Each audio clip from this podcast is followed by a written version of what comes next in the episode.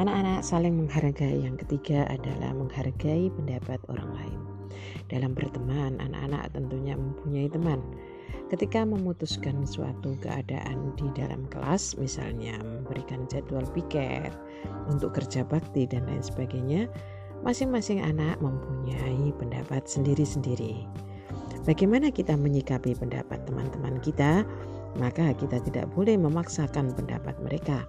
Kita hargai dengan cara kita dengarkan baik-baik pendapat teman-teman kita, kemudian kita tampung dan kita perbaiki dari pendapat mereka mana yang lebih baik itu yang kita gunakan sebagai keputusan rapat. Sehingga anak-anak setiap pendapat entah itu baik, entah itu jelek, kurang dan seterusnya.